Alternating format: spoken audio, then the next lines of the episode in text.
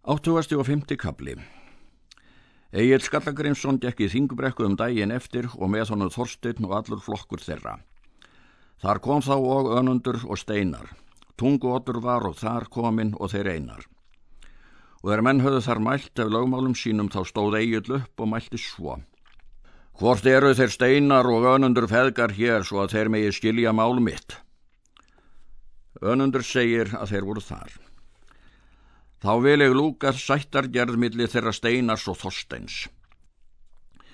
Hef ég þar upp það mál er grímur fadur minn kom hinga til lands og nam hér öll löndum mýrar og víða hérað og tók sér bústaðað borg og ætlaði þar landegn sína en gaf vinum sínum landkosti þar úti frá svo sem þeir byggðu síðan. Hann gaf ána bústaðað ánabrekku þar sem önundur og steinar hafa hér til búið.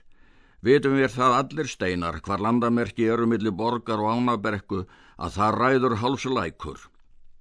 Nú var eigið það steinar að þú gerðir þér óvitandi að beita land Þorsteins og lagðir undir þig egn hans og ætlaðir að hann myndi vera svo mikill ætleri að hann myndi vera vilja ræningi þinn því að þú steinar og þið önundur megið það vita að áni þá landa grími föður mínum en Þorstein draf fyrir þér dræla tvo.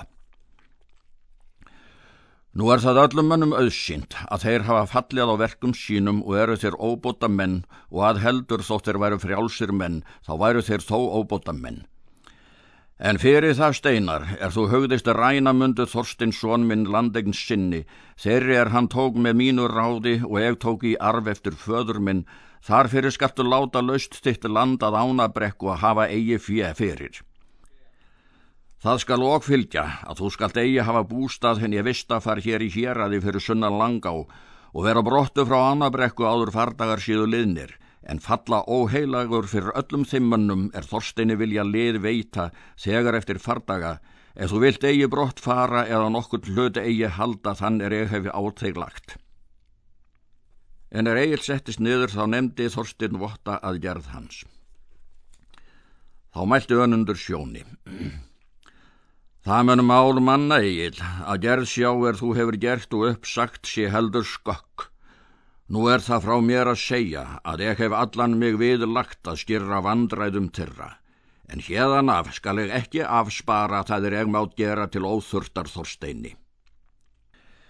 Hitt mun ég ætla, segir eigil, að hlutur ykkar feðgamun æði verri er deildir voru að standa lengur. Höfði ég önundur að þú myndir vita að ég hefi haldið hlut mínum fyrir þvílikum svo mönnum sem þið eruð feðgar.